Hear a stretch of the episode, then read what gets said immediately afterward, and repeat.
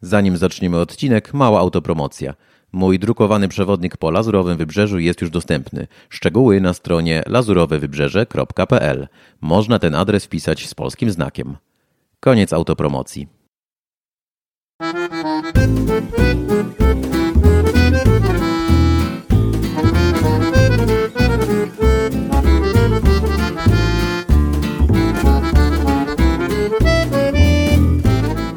Cześć. Ja się nazywam Tomasz Bobrowski, a to jest drugi odcinek podcastu o życiu we Francji. Jego tematem będzie koronawirus. Nie będę jednak cytował statystyk i skupiał się na liczbach.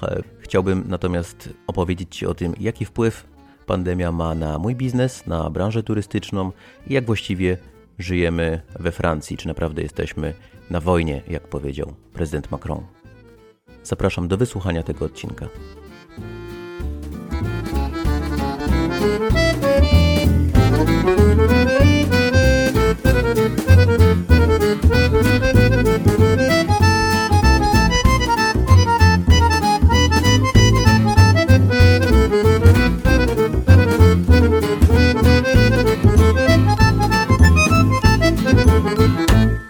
Dès demain, midi, et pour 15 jours au moins, nos déplacements seront très fortement réduits. Nous sommes en guerre. To był prezydent Francji Emmanuel Macron w swoim wystąpieniu związanym z koronawirusem, w którym wielokrotnie użył zdania, że jesteśmy na wojnie. Tę audycję nagrywam 17 kwietnia, w piątek. Siedzę oczywiście w domu w tak zwanej izolacji domowej, po francusku confinement. Nie jest to kwarantanna jako taka, więc tego wyrazu tutaj we Francji się raczej nie używa w znaczeniu tej izolacji. Jest to właśnie confinement, izolacja domowa. Siedzimy już tak od 17 marca i mamy wyjść 11 maja. Mam osobiście nadzieję, że to nastąpi, bo no, trzeba po prostu zacząć w końcu przynajmniej pozorować to życie, które mieliśmy wcześniej.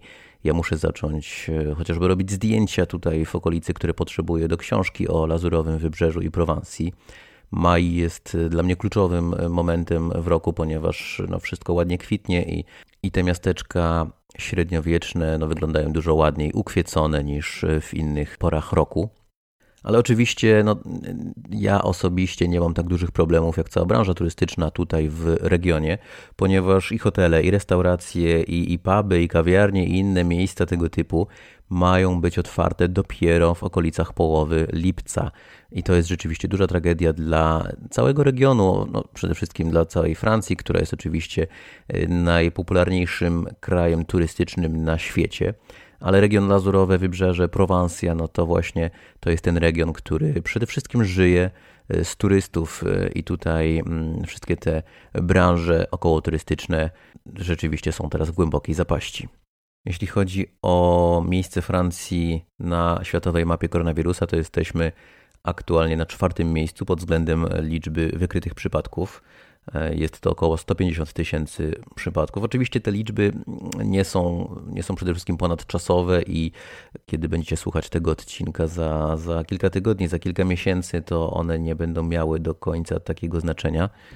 Na pewno warto mm, sprawdzić sobie oficjalne statystyki na oficjalnych stronach rządowych, stronach Ministerstwa Zdrowia i tam sobie o tym poczytać. Ja tu tylko dodam, że w departamencie Alpy Nadmorskie, którego stolicą jest Nicea. Tutaj akurat tych przypadków śmiertelnych tak dużo nie ma, bo około 70 na dzisiaj.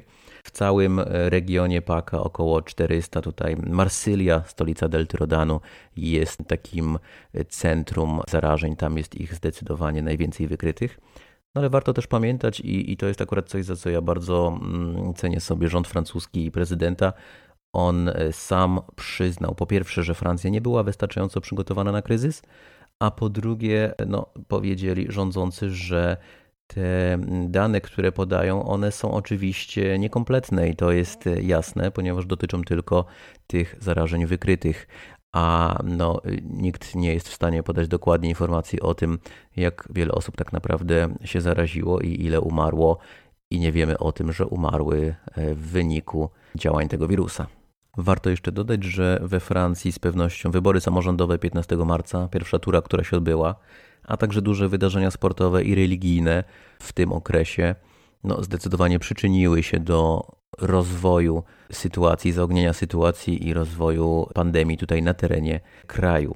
No i to wszystko razem oczywiście doprowadziło do zamknięcia kraju, do mm, zamknięcia nas w mieszkaniach i do sporych ograniczeń, które aktualnie mamy. No nie są to znowu takie ograniczenia, które jakoś bardzo, bardzo utrudniają nam życie, no ale z pewnością fakt, że nie wychodzimy z domu, nie możemy wychodzić praktycznie wcale, jest dla wielu osób dużym utrudnieniem.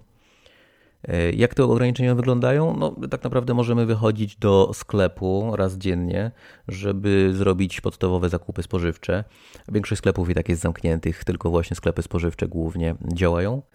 E, w celach zdrowotnych można wyjść, można wyjść, żeby pomóc rodzinie potrzebującej i również, żeby uprawiać sport i wyprowadzić zwierzęta, ale wszystko to maksymalnie kilometr od domu i na maksymalnie godzinę i trzeba mieć koniecznie ze sobą taki specjalny dokument, który najpierw trzeba było drukować lub wypisywać ręcznie, a teraz jest już dostępny w formie elektronicznej. W tym dokumencie podajemy swoje dane, podajemy swój adres, podajemy datę i godzinę wyjścia i trzeba go pokazać razem z dokumentem tożsamości w przypadku e, kontroli. Ja jeszcze ani razu nie byłem kontrolowany, ale moim znajomym to się już zdarzyło. W przypadku braku tego dokumentu i braku wiarygodnego potwierdzenia jakby celu wyjścia, no, możemy otrzymać mandat ponad 130 euro za pierwszym razem, a w przypadku recydywy ten mandat rośnie. Kontroli jest dużo i te mandaty rzeczywiście są nakładane, o tym warto też wiedzieć.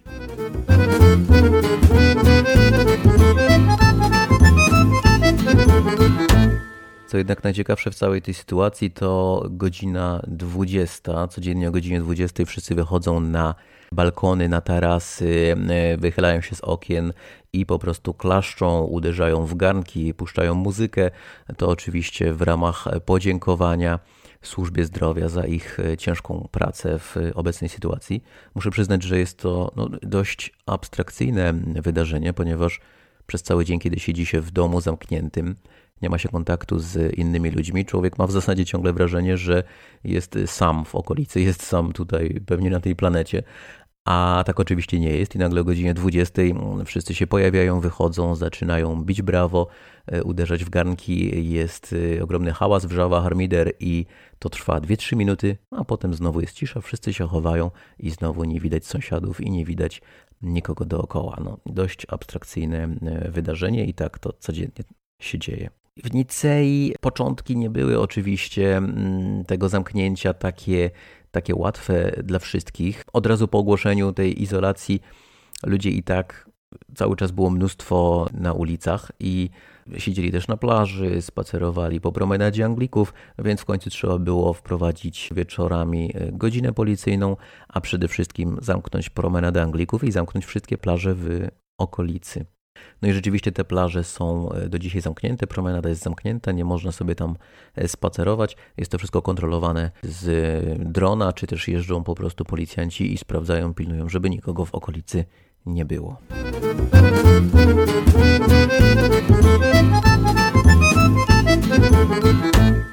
I tak patrząc jeszcze na całą tą sytuację, warto jeszcze tutaj, żebym dodał, jak wygląda sytuacja zatowarowania w sklepach. Na początku oczywiście było jak wszędzie, czyli wszyscy rzucili się na, na towary. Co ciekawe, we Francji nie rzucili się na papier toaletowy, ale wykupione zostały przede wszystkim środki spożywcze, czy to puszki, czy to świeże owoce, warzywa, chleby, również chleby o długim terminie przydatności.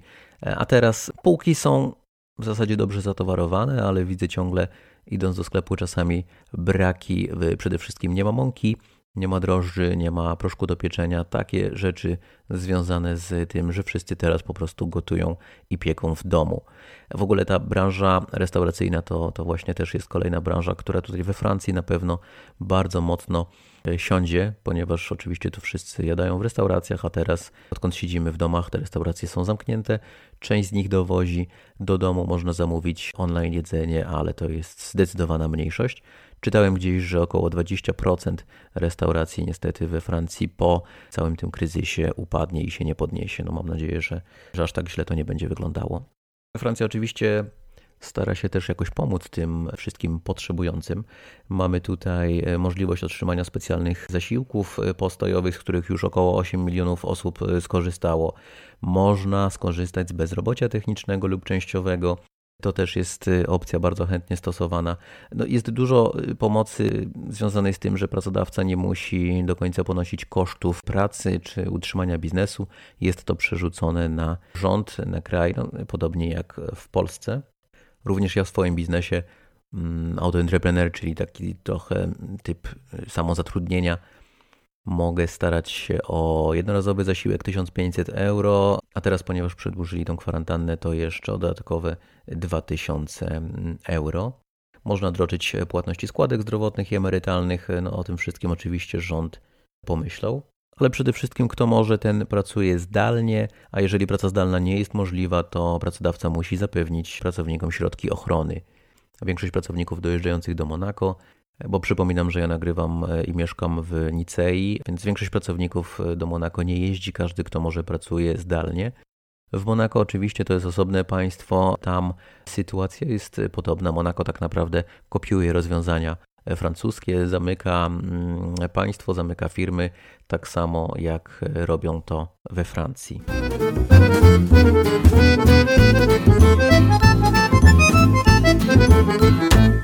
Plan wychodzenia z kwarantanny został już przedstawiony. Tak jak wcześniej mówiłem, od 11 maja to wszystko ma się zacząć i będzie robione etapami. Najpóźniej chyba do życia wrócą uniwersytety, bo dopiero we wrześniu mają tam pojawić się, czy też w październiku pojawić się mm, studenci. Szkoły, przedszkola mają być już czynne z powrotem w maju, no i hotele, restauracje, puby od połowy lipca. To jest chyba w sumie najgorsza informacja, ale osobiście ciągle mam nadzieję, że pozwoli ona jednak w jakikolwiek sposób rozpocząć sezon wakacyjny, sezon letni, sezon turystyczny tutaj w regionie. No nikt nie ma wątpliwości, że nie będzie praktycznie w tym roku już turystów z zagranicy, ale wciąż oczywiście mówimy o Francji, o największym państwie Europy, w którym mnóstwo turystów krajowych e, oczywiście przebywa i no cały Paryż i inne departamenty Myślę, że jednak tego lata jeszcze będą chciały przyjechać na Lazurowe Wybrzeże, Prowansję i skorzystać z uroków tego regionu i troszkę po tym wszystkim odpocząć, a co najważniejsze zostawić trochę pieniędzy, które są po prostu bardzo potrzebne.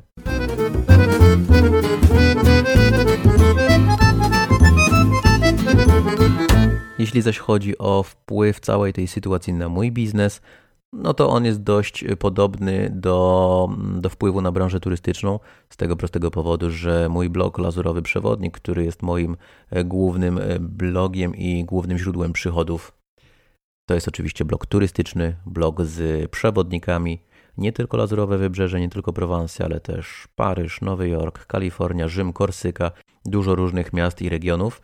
I oczywiście, ponieważ nigdzie obecnie nie podróżujemy, ruch turystyczny zamarł, to i też zainteresowanie czytelników moim blogiem, moimi przewodnikami, moimi produktami e, praktycznie spadło do zera. Wszelkie programy afiliacyjne typu booking, ubezpieczenia, no to wszystko po prostu czeka na lepszy czas, nie ma tam żadnych obecnie przychodów, żadnej sprzedaży. Ja starając się znaleźć rozwiązanie tej sytuacji, no po pierwsze znalazłem oczywiście czas na nagrywanie podcastu o życiu we Francji, ale y, przygotowałem też nowy produkt na blogu. Są to tapety z Lazurowego Wybrzeża i Prowansji, które można sobie y, zamówić na mojej stronie i wrzucić je na ekran komputera, telefonu czy tabletu i w ten sposób y, po pierwsze wspomóc mój blog, a po drugie no, ciągle móc podziwiać te piękne okolice. Pracuję też oczywiście nad kolejnymi rozwiązaniami na to wszystko potrzeba czasu, trzeba też no, szukać kierunku rozwoju, e, no bo tak naprawdę nikt nie wie, co będzie w najbliższym czasie, kiedy w końcu branża turystyczna ruszy.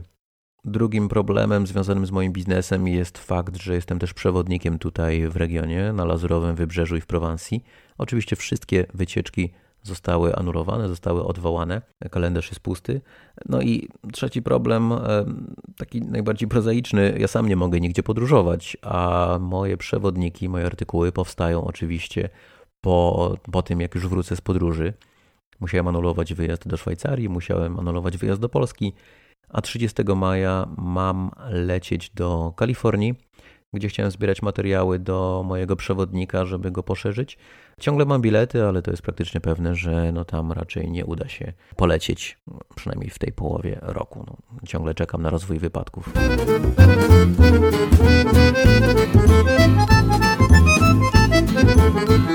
Zastanawiając się, jak to wszystko będzie wyglądało po tym, jak pandemia minie i czy branża turystyczna e, szybko odżyje i czy wszystko wróci do normy, tydzień temu zapytałem swoich czytelników o to, jakie mają plany urlopowe w tym roku. Udało mi się przez tydzień zebrać prawie 400 głosów. No niestety zdecydowana większość, 45% jeszcze nie wie. Nie wie, czy urlop będzie w kraju zamieszkania, czy będzie zagraniczny, jak już będzie można podróżować. Jeszcze nic na ten temat nie wiedzą. Druga grupa, mm, prawie 30% osób odpowiedziało, że planuje ciągle urlop zagraniczny, jak już będzie można podróżować co mnie bardzo cieszy, ale nie wiem, czy nie są to zbytni optymiści, tak jak zresztą ja sam, no bo coraz częściej czytam o tym, że samoloty jeszcze długo latać nie będą. Trzecia mm, odpowiedź e, to urlop w kraju zamieszkania, trochę ponad 16% głosów. I czwarta odpowiedź, około 10% to remont mieszkania i brak wyjazdu w tym roku. Takich osób też jest całkiem sporo.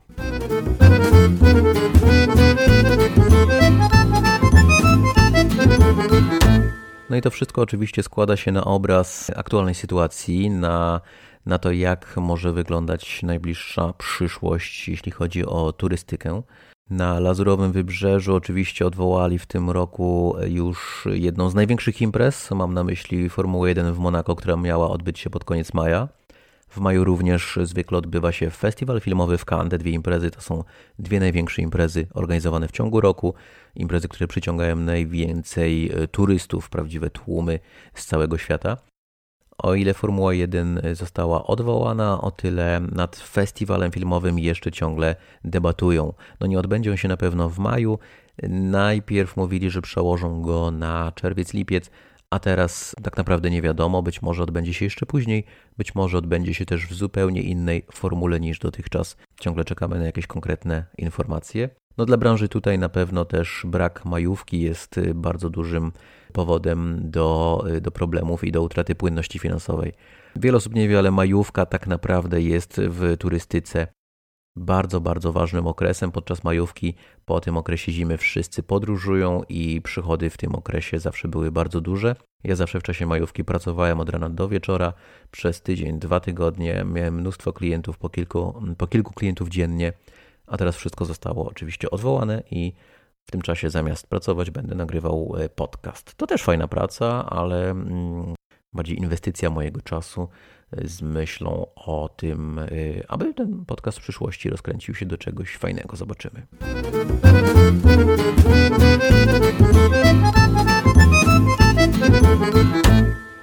Ok, wydaje mi się, że to by było na tyle, jeśli chodzi o koronawirusa we Francji i o jego wpływ tutaj na życie. Ja wiem, że ten odcinek troszkę chaotyczny może być, ale Trudno jest mi mówić o sytuacji aktualnej mm, w taki sposób, żeby było to też ciekawe, kiedy ona już się dawno zakończy. Ten odcinek na pewno nie będzie jakoś specjalnie ponadczasowy, ale mam nadzieję, że mimo, mimo to będzie dla Was jakkolwiek interesujący. Bardzo Wam dziękuję za e, wysłuchanie tej audycji i zapraszam do subskrybowania, aby nie przegapić kolejnych odcinków. Ja nazywam się Tomasz Bobrowski, a to był drugi odcinek podcastu o życiu we Francji. Pozdrawiam z Nicei.